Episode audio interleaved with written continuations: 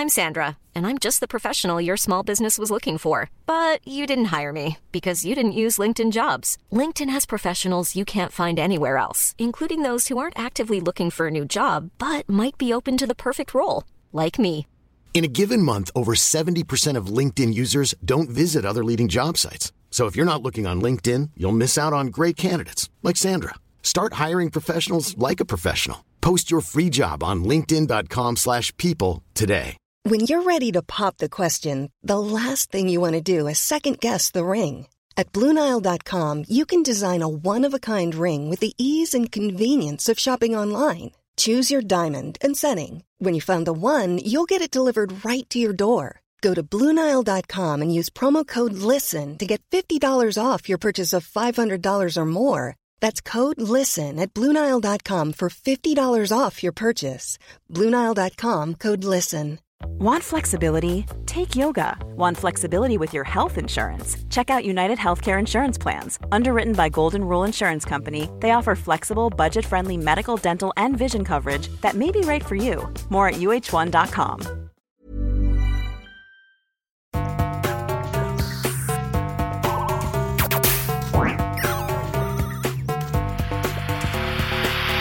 Jeg heter Sondre Risom Livrød.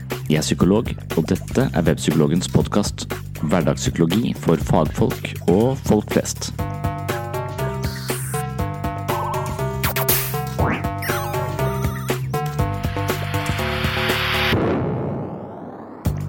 You know, I'm, I'm not even claiming that people always think they're doing the right thing. They may know that they're doing something uh, dishonest or insensitive or manipulative, but they almost always think there's a good reason for doing it.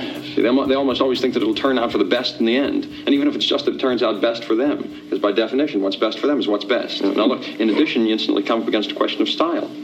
My style may be too uh, uh, direct. Perhaps given my style, I seem more nakedly opportunistic or jerky or. Uh,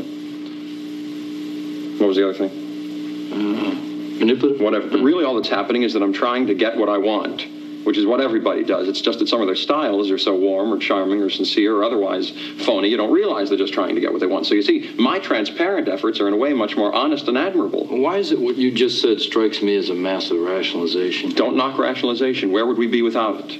I don't know anyone who could get through the day without two or three juicy rationalizations. They're more important than sex. Ah, come on, nothing's more important than sex. Oh, yeah? Have you ever gone a week without a rationalization?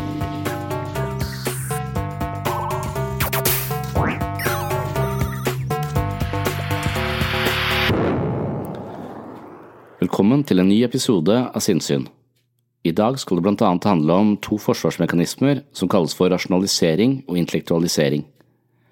Rasjonalisering er et psykisk forsvar som gjerne dukker opp når vi handler på motiver vi nødig vil erkjenne.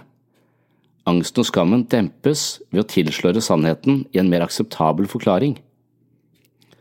Intellektualisering er et forsvar som ligner, men defineres på en litt annen måte.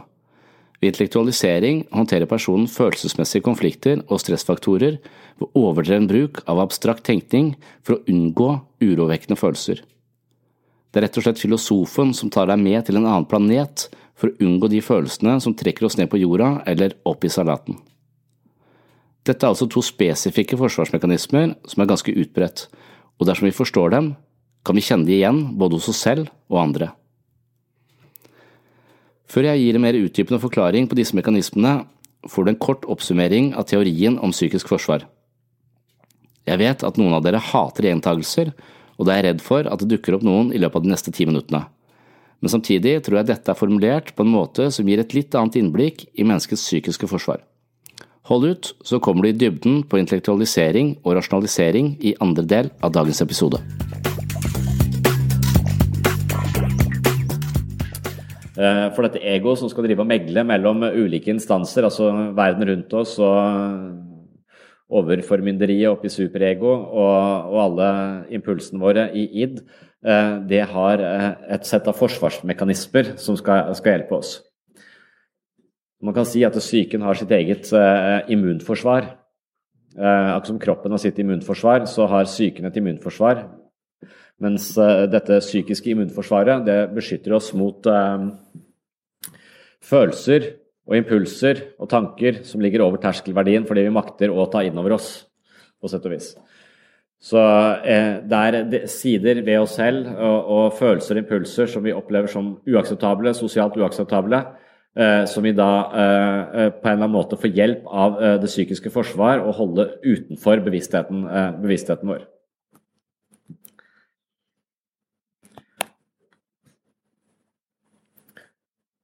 Og dette, dette forsvaret skal egentlig sørge for sjelefred, kan man si.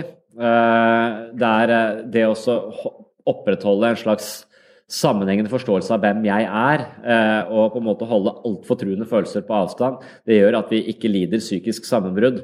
Så Forsvaret er ikke nødvendigvis noe negativt, det er noe vi må ha. Som immunforsvaret vårt er jo ikke negativt, det er noe vi må ha. Men forsvaret vårt kan bli negativt i den grad vi bruker det som kalles for de primitive forsvarsstrategiene. Så forsvaret vårt er også reversibelt. Det betyr at vi har, eh, det er identifisert et sett med sånn type opp mot 30 forsvarsmekanismer. Og de dukker opp eh, i den grad vi er i pressa situasjoner. Men i den grad vi går tilbake og er på en måte avslappa og i, i, på en måte i balanse, så vil forsvaret vårt ofte være mer modent. Men idet vi blir mer og mer pressa, så vil Forsvaret gå over til å bli mer nevrotisk, over til det, i det primitive. Eh, så, så forsvarsmekanismene er noe som hjelper oss å holde eh, likevekt. Men samtidig så har det en del omkostninger. For av og til så må vi forvrenge virkelighetsoppfattelsen vår for å opprettholde balanse. Eh, og dermed så ofrer vi ganske mye, og det kan på en måte ødelegge relasjonene våre. Og det kan også forvirre oss selv fordi vi ikke helt kan stole på oss selv, fordi vi vet at det er en del data her vi ikke tar hensyn, hensyn til. Så modent forsvar det handler om at vi faktisk tåler, forstår og klarer å sette ord på følelsene våre. Vi håndterer følelsene våre, vi kjenner til de, vi tåler de. Eh, og når vi er i balanse, så, kanskje, så, så, så er vi på en måte Vi tar ansvar for våre egne følelser. Eh, og, og, og, vi kjenner til de, og vi vet hva de heter. Eh, og Det er liksom det som handler om å bli voksen. Det handler om å forstå sitt eget emosjonelle liv, på en måte. Idet vårt emosjonelle liv bare er uten språk, på en måte ikke har, ikke har noe, noe, ord eller forståelse for det, så vil det ofte bare være kropp. Så veldig mye psykoterapi handler jo da om å sette ord på følelser. Eh, for idet jeg klarer å sette ord på følelsen, så vil jeg også stå litt utenfor og se følelsen. Og jeg vil ikke være fanget av følelsen lenger, men jeg vil være den som beskriver meg føle, eh, på sett og vis. Men idet jeg ikke klarer å ta dette skrittet tilbake og forstå følelsen min, så er jeg fanget av følelsen, og følelsen vil ofte da ligge i kroppen. Være hjertebank eller vondt i magen eller, eh, eller uro eller uh, sitring i hendene, eller, eller, hva man skal, skal kalle det. Så, uh, så, det å være på en måte psykologisk sett moden handler ofte om å ha et nyansert bilde av sitt eget indre liv. Og det får vi av de menneskene som er rundt oss, hvis de har det. Eh, så det er noe som på en måte kan overføres i en form for sosial arv. Så mennesker som har god kontroll på sitt eget indre liv, har ofte muligheten til å vise barnet hvem det er fra innsiden.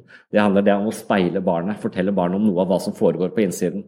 For et lite barn mangler eh, på en måte, Det har bare masse impulser, og det har ingen nødvendigvis forståelse til noe språk på hva disse impulsene er for noe. Og når de ikke har dette språket eller forståelsen for det, så har de også problemer med å regulere det ned. Eh, eh, så da, De mest voldelige personene i samfunnet det er toåringer f.eks. De utagerer alle, eh, alle, følelsene sine. De vet ikke hvordan de skal forstå det, kontrollere det osv. Eller regulere det, regulere det ned. Det er noe vi må hjelpe til med. Det er også En del av utviklingen handler om å på en måte være vikarierende frontallapper for barna våre. altså Vi må hjelpe barna våre å forstå, regulere og tåle følelsene sine. Hvis vi da gir inntrykk av at en del følelser er forbudte eller uh, uakseptable, så, så, risikerer vi disse konfliktene som Freud uh, og alle de andre utviklingspsykologiske teoriene forteller noe om, og hva slags konsekvenser det kan få senere uh, i, i, livet. Og Det er litt av det som er talekuren til Freud, det er å sette ord på det ubevisste. Det er å gi det et språk, gi det en forståelse, så kan vi løfte det fra det ubevisste. Vi kan se det idet vi kler det i et språk. på en måte. Eh, og, det kan vi gjøre når vi reagerer eh, i ulike situasjoner. Eh, men, men som barn så, så, mangler man ofte det språket. og der vil man se Når man jobber med barn, så vil man se at det, veldig mange av symptomene til barn er kroppslige. De har ofte veldig vondt i magen eller vondt i hodet. De får smerte i kroppen når det er kanskje uh, ubehag på skolen, eller de føler seg ekskludert, eller de blir mobba, eller et eller annet sånt noe. Så vil ofte årsaken for at de ikke vil gå på skolen, vil ofte være fysisk. Uh, det er ikke det at de innbiller seg eller finner på uh, uh, at de har vondt i magen, men, men, følelser er veldig kroppslige. Så lenge vi ikke har noe språk, ikke kan håndtere de psykologisk, så blir de til kropp. De blir til at hjertet slår litt fortere, de får mer adrenalin i magen, det gjør vondt i magen, magen blir sur. Det, er, det skjer ting med oss. Eh, så det å på en måte kvitt, bli kvitt angsten som sitter i kroppen, det handler om å få språk på dette, forstå det og kunne sette ord, eh, eh, ord på det. Så Det modne forsvaret handler altså om å tåle, forstå og ha innsikt i følelsene sine. Og Blant de modne forsvarsmekanismene så finner vi eh, f.eks. humor. Eh, humor er en måte å ta brodden av litt alvorlige situasjoner på. Situasjoner som er så tyngende at vi nesten ikke vet hva vi kan si. Så vil galgenhumor kanskje hjelpe oss litt til å håndtere det som er vanskelig, som vi uansett må, eh, må håndtere. Humor er altså en måte å sette grenser på for noen. Altså, Hvis noen trår over grensene dine og du føler deg litt krenka, så kan du kanskje si noe litt morsomt som får den andre til å forstå at vet du hva, nå trådte du litt over grensene, det gjør du ikke igjen, men jeg smiler og vi ler, og vi opprettholder en god, uh, god relasjon. Jeg er ikke sint, jeg ler, men du forstår også at der trådde du uh, over. Og så kan også, eh, også, humor gå over og bli mer primitive eh, forsvarsmekanismer, hvor det går over i sarkasme og ironi, som har til hensikt å skade andre mennesker under en fane av vittigheter, men som egentlig treffer ganske hardt eh, på den andre. Det er en passiv-aggressiv strategi, hvor du istedenfor å være åpen om det du misliker ved den andre eller denne situasjonen, så sier du et eller annet sånn Formulerer det på en eller annen sånn måte at den andre kjenner deg, du stikker, men det kan på en måte ikke ta deg på det. Det er den passiv passivt aggressive strategier. strategien. Det vi, når vi er uærlige med vår egen uh, irritasjon mot et annet menneske, så siver det ut i sarkasme. Det er ikke sikkert vi legger merke til det engang. Passiv aggresjon er da også lista som en av disse forsvarsstrategiene. Alturisme står her. Sublimering. Anna Freud var opptatt av sublimering. og Det er altså det vi så i stad. Det, det, å finne ego sitt, sin oppgave er egentlig å finne et akseptabelt uttrykk for de driftene vi har i oss. Så mens vi har både aggressive og seksuelle og, en hel haug med sånne ubevisste drifter fra id, så vil en moden måte å håndtere det på vil være å kanalisere det ut i det som vil kalles sånn jeg-oppbyggende atferd. Så istedenfor å gå og si, si, ja eh, når du mener eh, nei, eh, og smile når du egentlig er sur, og på en måte å, gå rundt og være småirritert på kona hele tiden, så handler det om å på en måte finne et uttrykk for de, for de følelsene. Og sublimering vil da på en måte være Man kan se det, kan se det i alle sånne kreative uttrykk. Det sies at, det, at det sånne som spiller dødsmetall, er så snille privat. Eh, og jeg vet ikke, altså Jeg har vært i jeg har vært i Kvinesdal på en sånn dødsmetallfestival. Det var dødsmetallfestival på den ene stedet, og så var det sånn Jesusfestival eh, i andre enden av Kvinesdal. Så, så, det er litt sånn, det er ganske splittet, eh, har jeg inntrykk av. Mens de som da står på scenen og hyler et eller annet jeg ikke forstår, og så tygger de på noe sånt blod så det renner nedover, ser ut som de har kommet rett fra helvete, på en måte. De skal være så snille. De er, så, de er snille som lam, er et sånt rykte som går. Og jeg kjenner noen av de faktisk, og de, de er jo ganske joviale og, og, og, greie mennesker. Og det kan godt hende at det nettopp det er en, et, en uttrykksform som gir de aggressive kreftene i oss et, et veldig sånn kraftfullt uttrykk. Men istedenfor å gå rundt og være småirritert uh, og rykke uklar med andre mennesker, så har du funnet en måte å uttrykke disse kraftige følelsene på som får applaus. Uh, istedenfor og, og, kanskje alle de som stå, står og ser på, også får en slags sånn katarsis, som det heter, en slags, en slags uttrykk for kraftige impulser. Sånn at vi slipper å gå rundt og være irritert på andre, andre folk. Vi har funnet et uttrykk for det. Det kan godt hende at de, som skriver bøker, de som på en måte eh, maler og har kreative uttrykksformer, finner et uttrykk for følelser. sånn at istedenfor når du går rundt og er, f.eks. har uavklarte sinne i deg, og du maler et veldig kraftfullt bilde, så sier folk de klarer å leve seg inn Oi, det var et fantastisk bilde. Så, så, på en måte er det en måte å uttrykke seg på som gir følelsen et uttrykk, sånn at du slipper å gå rundt og være nebbete, f.eks. Eh, så, så, sublimering eh, handler om å kanalisere følelsene ut på en måte som ikke gjør at de ryker uklare med andre mennesker, på sett og vis. Eh, andre eksempler på, på modne forsvar er altruisme. altså Hvis du føler at du ikke er god nok eller utilstrekkelig, så kan du kanskje hjelpe andre ved å, å, å, på en måte å få en god følelse for deg selv, samtidig som du hjelper andre. En vinn-vinn-situasjon. Men ideen med det modne forsvaret er at vi er ganske bevisst følelsen. Vi kjenner til følelsen, vi vet om følelsen og vi tar ansvar for, uh, for følelsen. Når vi kommer over i det nevrotiske uh, forsvaret, så har følelsen blitt såpass uh, kraftig, og på en måte egoet vårt er ikke på en måte kapabel til å håndtere denne følelsen. Så istedenfor at vi kjenner, tar ansvar for følelsen, så undertrykkes følelsen. Det er det nevrotiske forsvaret. Det er sentrert rundt fortrengning, ifølge ifølge denne psykodynamiske eh, ideen her til Freud og postfreudianere, og spesielt til Anna Freud. Så uh, fortrengning handler om at uh, følelsen på en måte blir putta inn i et rom i oss selv. Vi lukker døra, låser, kaster, uh, kaster nøkkelen. og Der har det også kimen til mye angst og depresjon. Så som vi sa i stad, Hvis vi på en måte undertrykker veldig mye sinne, så kan det føre til både angst og depresjon. Angst i kraft av at vi vet at det er noen krefter her som er ganske farlige, og vi er nødt til å bruke mye energi på å holde de i sjakk. Eh, depresjon, for de kreftene kunne vi brukt eh, til å lage dødsmetall. eh, og, uttrykt oss kreativt, eller brukt det i politikken, osv. Så, videre. så kan man snakke om, om disse forsvarsmekanismene hver for seg. altså her står det 'benekting'. Det, det handler om å blånekte, eh, rett og slett. Det, det, bruker man når man blir stoppet av eh, politiet. De sier 'det gikk vel litt fort'? Nei, det gjorde det ikke, eh, kan man si da. Så, og det, det, er også et sånn primitivt forsvar som du ser hos barn. Altså, har du spist eh, godteri, Og hva du ikke Eh, altså bare blånekte. Eh, det er det Donald Trump gjør hele tiden. Eh, det er det mest primitive forsvaret. Det er, ses mest hos barn og hos presidenter, tydeligvis. This Mother's Day, celebrate the extraordinary women in your life with a heartfelt gift from Blue Nile. Whether it's for your mom, a mother figure, or yourself as a mom, find that perfect piece to express your love and appreciation. Explore Blue Nile's exquisite pearls and mesmerizing gemstones that she's sure to love. Enjoy fast shipping options like guaranteed free shipping and returns. Make this Mother's Day unforgettable with a piece from Blue Nile. Right now, get up to 50% off at BlueNile.com. That's BlueNile.com. Hiring for your small business? If you're not looking for professionals on LinkedIn, you're looking in the wrong place. That's like looking for your car keys in a fish tank. LinkedIn helps you hire professionals you can't find anywhere else, even those who aren't actively searching for a new job but might be open to the perfect role. In a given month, over 70% of LinkedIn users don't even visit other leading job sites. So start looking in the right place. With LinkedIn, you can hire professionals like a professional. Post your free job on linkedin.com slash people today. Since 2013, Bombas has donated over 100 million socks, underwear, and T-shirts to those facing homelessness if we counted those on air, this ad would last over 1,157 days. But if we counted the time it takes to make a donation possible, it would take just a few clicks. Because every time you make a purchase, Bombas donates an item to someone who needs it. Go to bombas.com slash ACAST and use code ACAST for 20% off your first purchase. That's bombas.com slash ACAST, code ACAST.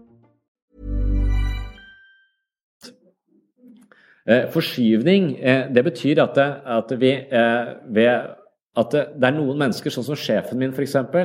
Eh, I og med at jeg føler han står over meg i hierarkiet, så tør jeg ikke å uttrykke eh, misnøye f.eks. direkte mot han. Eh, eh, så når jeg jobba på, på, på, psykiatrisk avdeling f.eks., så, så kunne man lett se dette at eh, noen ganger så var uh, de som var innlagt der, og var i en vanskelig situasjon, selvfølgelig, så var de av og til følte seg oversett eller forsmådd eller dårlig behandla av legen og legen hadde lite tid og ikke var til stede osv., og, så videre, og de fikk feil medisiner og sånn, så var de kanskje sint på legen, men i og med at de følte at legen på en måte sto liksom litt sånn høyt oppe i hierarkiet, så turte ikke uttrykke det sinnet direkte øh, på vedkommende. Så da er det en forskyvning, sånn at det gjør at legen får ingenting, mens de som jobber i avdelingen, vi som på en måte var på, mer på gulvet, vi ble øh, gjenstand for øh, irritasjon og misnøye, som egentlig hørte til et annet, til et annet sted. Eh, det er det samme jeg gjør ikke sant? når at sjefen har kjefta på meg, og jeg kjefter på min kone fordi hun kom for seint hjem, eh, hjem, eh, med bilen. Altså Jeg finner en, en, annen måte å få uttrykt dette, og jeg fører irritasjonen over på en annen som, står, som er lettere å være sint på enn den personen som som egentlig hører hjemme hos. Ja, pro, Projeksjon har vi snakket litt om. Passiv aggresjon har vi snakket litt om. Uh, intellektualisering, ja, det, det, ligger jo i ordet. Det er ofte når vi har driti oss ut eller gjort et eller annet som vi syns er følelsesmessig uakseptabelt, så forklarer vi det, gir det en sånn intellektuell forklaring. Um, Vi kan nesten ikke gå inn på alle her. Jo, nettopp her skal vi gå inn på den forsvarsmekanismen som kalles intellektualisering. Vi skal i dybden nå på både intellektualisering og det som kalles rasjonalisering, og se litt på forskjellene på disse to forsvarsmekanismene som egentlig ligner litt på hverandre. I like you, Mary. I like you a lot. I want to ask you a question straight out, flat out. I want you to give me the honest answer. What do you think the chances are of a guy like you and a girl like me ending up together? Well, Lloyd, that's difficult to say, and we really don't. Hit me with it. Just give it to me straight. I came a long way just to see you, Mary. Just least you can do is level with me. What are my chances?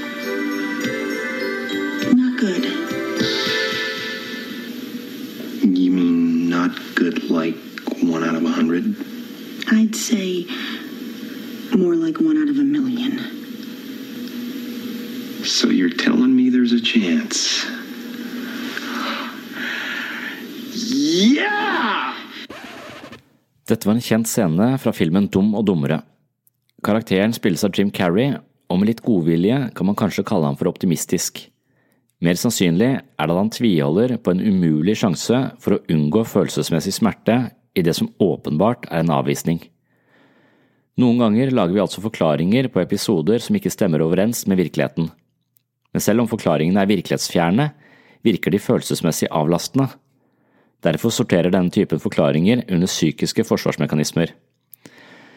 I neste delen av podkasten skal jeg forsøke å redegjøre for det som kalles rasjonalisering, og deretter legger jeg intellektualisering under lupen. Har du noen gang fortalt en historie som har til hensikt å avlede oppmerksomheten på noe som virker beklemt? Noen kaller det å ro seg vekk. Kanskje har man selv gjort noe som forekommer flaut eller uakseptabelt, eller noen andre har gjort noe som forstyrrer det emosjonelle klimaet i en sosial situasjon, og man anstrenger seg for å lage en forklaring som dekker over ubehaget i situasjonen. Når vi snakker om psykiske forsvarsmekanismer, kaller man altså dette for rasjonalisering. Christoph Perry definerer rasjonalisering som følger.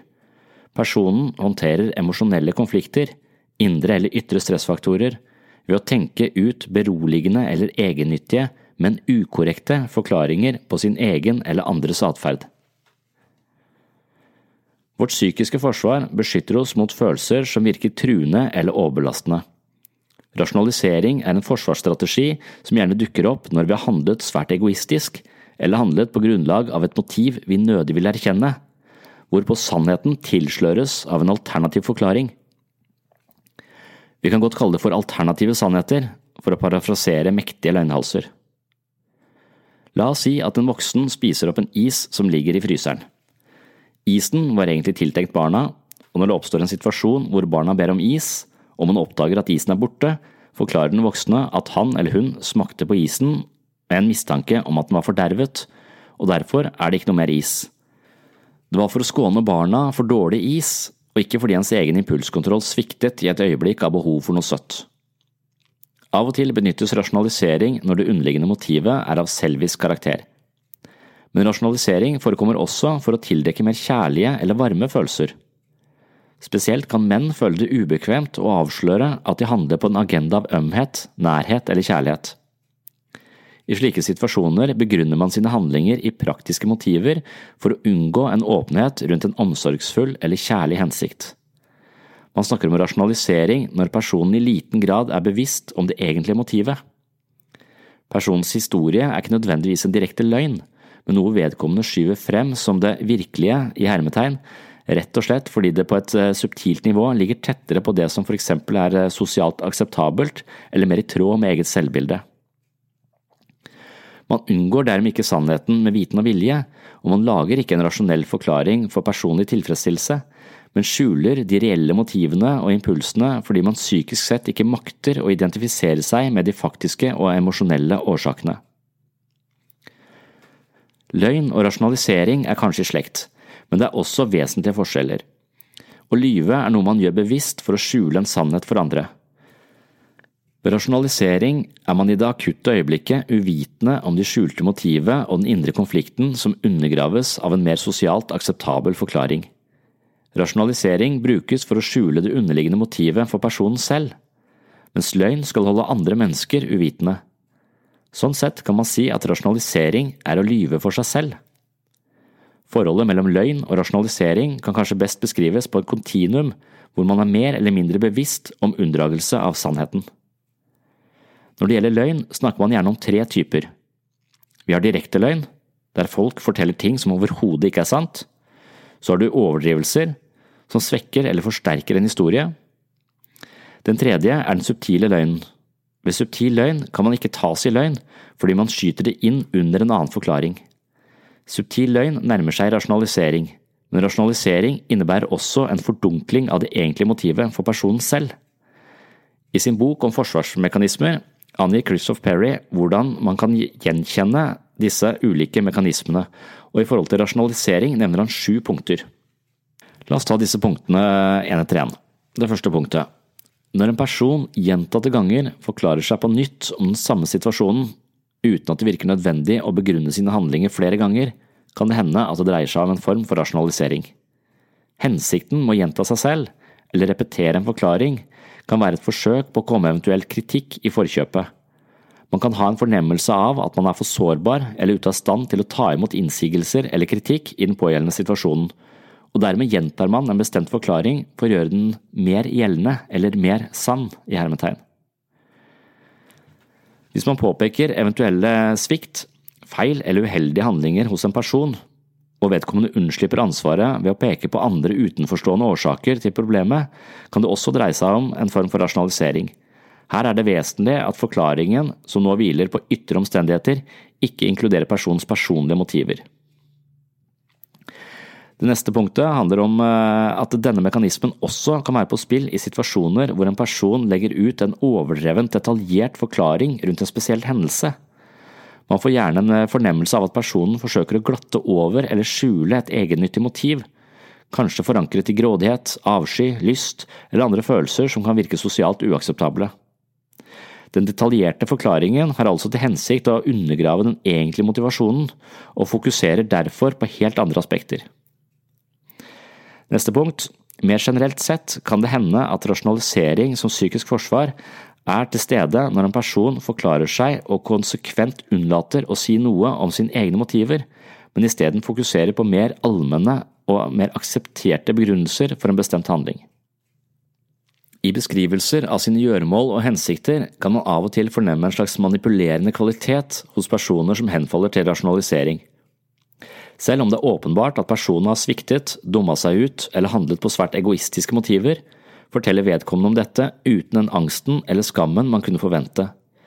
Isteden er det aspekter ved situasjonen som eh, tvang ham eller hun til å handle akkurat slik, og ingen personlige feil eller ansvar. Rasjonalisering er ofte på spill i sosiale situasjoner når en person ikke tar ansvar for antisosiale handlinger eller impulser. Man kan gjerne høre begrunnelser som eh, han provoserte meg så mye at jeg slo ham. Det er hans feil at han presset meg slik, og derfor er det også hans feil at han ligger på bakken og blør. Psykisk sunnhet handler i stor grad om å ta ansvar for egne følelser, tåle egne følelser, forstå det og uttrykke det på en sosialt akseptabel måte. Når man møter mennesker som hele tiden legger skylden på ytre faktorer, hemmes i sitt eget liv av noen andre enn seg selv og stadig glatter over egne handlinger med forskjellige bortforklaringer, er det sannsynlig at vedkommende tyr til rasjonalisering som forsvar mot alle de uakseptable følelsene man ikke makter å ta inn over seg. I samme familie av forsvar som rasjonalisering finner vi også intellektualisering. Mekanismene ligner hverandre, men er noen vesentlige nyanser. Før jeg griper tak i intellektualisering, kan være på sin plass å si noen få ord om forholdet mellom følelser og fornuft. Forholdet mellom følelser og fornuft har vært et tema innenfor filosofi og litteratur i uminnelige tider. Som kliniker tenker jeg av og til at på et helt overordnet plan finnes det to ulike former for psykiske lidelser. Den ene handler om sterke følelser som frarøver mennesket kontrollen, det vil si at personen på sett og vis er i følelsenes vold. De handler impulsivt og lever livet på en emosjonell berg-og-dal-bane. Livet er med andre ord turbulent, og personen har lite ressurser til å regulere ned sine egne følelser på en adekvat måte. Den andre typen psykisk lidelse er omtrent motsatt. Her finner vi mennesker som lever i tanken. De tenker, rasjonaliserer, vurderer, kontrollerer og grubler så mye at følelsen ikke får plass. Det er som om hver eneste lille følelsesmessige bevegelse blir gjort om til gjenstand for analyse, og når vi analyserer følelsene, fratar vi dem samtidig sin eh, kraft. Man kan være glad og ivrig, men med en gang man begynner å vurdere sin gladhet på en skala fra én til ti, kan mange oppleve at følelsenes spontane vitalitet forsvinner. Mennesker som i overdreven grad orienterer seg i takt med tanker og rasjonalitet, kan ofte oppleve at livet virker tomt, meningsløst og litt flatt. Det er i denne sistnevnte kategorien vi finner forsvarsmekanismen som kalles intellektualisering. Det kan også nevnes at eh, analysering av egne negative følelser kan ha samme effekt, men da er effekten gjerne noe vi ønsker. Det er rett og slett en terapeutisk metode. Ved å plukke fra hverandre negative følelser, undersøke de, stille de til veggs og avsløre dem, kan de miste sitt grep på oss. Gjennom grundige analyser kan vi dødgjøre følelsen, og det er kanskje en god ting i møte med destruktive følelser, men ikke så smart når det kommer til de positive følelsene. Det der var litt på siden, men la oss nå se på intellektualisering. Intellektualisering er altså et forsvar mot følelser eller impulser hvor selve ideen som representerer følelsen forblir bevisst, men uttrykkes som en generalisering. Ved å snakke om sitt indre liv på en generell måte skaper man samtidig en distanse til følelsen. Selv om personen snakker om seg selv, virker han på sett og vis upersonlig. Det som skjer, er rett og slett at følelsens kvalitet og driftenes kraft går tapt i personens fremstilling. Intellektualisering høres ut som et begrep som krever at personen er smart eller særlig klok, men intellektualisering som forsvarsmekanisme stiller ingen krav til intelligens eller kognitive evner. Det er rett og slett en strategi for å minimere eller undergrave følelsenes viktighet og plass i personens emosjonelle liv. Som ved alle andre forsvarsmekanismer ser man også intellektualisering hos personer som er psykisk utviklingshemmede eller har en organisk hjerneskade. Christopher Perry har laget en manual hvor man kan kode menneskers bruk av ulike forsvarsmekanismer. Det brukes i dag som et klinisk verktøy i forbindelse med utredning og diagnostisering med henblikk på psykoterapeutisk behandling. I denne forbindelse har Perry laget en liste over eksempler på bruk av intellektualisering. Her er noen av eksemplene som kan hjelpe oss å kjenne igjen denne forsvarsmekanismen hos de menneskene vi møter. For det første kan det være vanskelig å stille personen spørsmål fordi vedkommende svarer med generelle utsagn. Det betyr at han eller hun på finurlig vis unngår å svare på spørsmål av personlig eller følelsesmessig karakter. Man kan forsøke å finne ut hva vedkommende føler i forhold til en begivenhet, eller undre seg over hvordan vedkommende reagerte på noe bestemt men svaret løftes opp på et helt generelt nivå hvor personen selv forsvinner i abstraksjoner. På spørsmålet er du lykkelig, kan personen gjerne svare noe sånt som ja, lykkelig, det kan jo være så mangt, eller ja, lykkelig, jeg tror ikke at lykke finnes. Man kan også legge merke til at personer som bruker intellektualisering, ofte svarer ved å benytte seg av tredjeperson. For eksempel kan de si at jeg tror de fleste mennesker ville gjort det samme. I noen tilfeller klarer ikke personen å snakke om egne følelser uten å søke tilflukt i tredjeperson. Personens svar på et spørsmål kan også ha samme kvalitet som et matematisk bevis. Personen kan vie mye oppmerksomhet til små detaljer i sine svar, noe som gjør at samtalepartneren blir utålmodig og gradvis uinteressert. Personen kan ofte reise en rekke vitenskapelige spørsmål i en samtale som hindrer en mer personlig kontakt. Samtalen blir omgjort til en debatt eller en diskusjon selv om det hadde vært eh, mer naturlig å ha en mer personlig dialog mellom to venner. Det kan også være noe livløst over det personen forteller om sitt eh, indre liv og sine følelser, fordi vedkommende beskriver det subjektive i generelle vendinger. Min tristhet var et uunngåelig produkt av mine foreldres ekstreme forventninger og andre opplevelser i min barndom. Jeg hadde en pasient i gruppeterapi som hadde blitt mye mobbet og trakassert opp gjennom hele sin skolegang, og da jeg spurte han om dette, svarte han som følger. Ja, jeg ble fra tid til annen utsatt for noe negativ oppmerksomhet på skolen. Svaret var på sett og vis så formelt at alle de følelsesmessige opplevelsene knyttet til mobbingen ble borte. Personen selv virket helt uaffektert. Overdreven bruk av intellektualisering kan representere et liv i en følelsesmessig ørken. Det krever mye mental energi å holde emosjonelle bevegelser unna livet, og det er derfor mye psykoterapi handler om å uttrykke sine følelser mer åpent og direkte. Det var det jeg ville si om rasjonalisering og intellektualisering for denne gang. Jeg håper du henger med i neste episode. Jeg håper eh, du rater podkasten i iTunes dersom du liker den, og jeg blir veldig glad for alle de som bidrar til å spre sinnssyn, enten det er ved å anbefale den til en venn eller en kollega, eller dele den i sosiale medier. Takk til alle som allerede har bidratt til at sinnssyn har fått en synlig plass i iTunes, og dersom du er mer interessert i psykologi på denne måten, er du hjertelig velkommen til å anskaffe deg bøkene jeg har skrevet i samme takt og tone som denne podkasten. Du får de til best pris med gratis frakt og rask levering på webpsykologen.no. På gjenhør!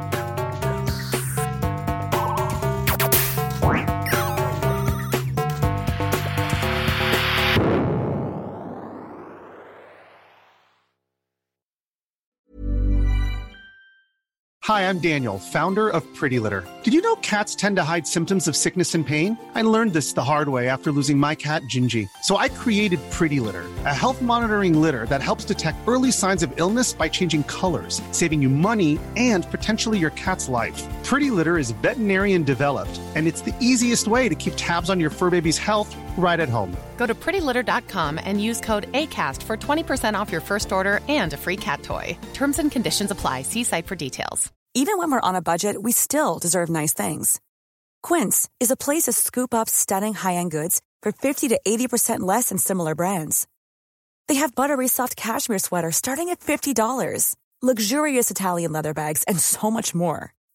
Plus, Quince only works with factories that use safe, ethical, and responsible manufacturing. Get the high-end goods you'll love without the high price tag with Quince.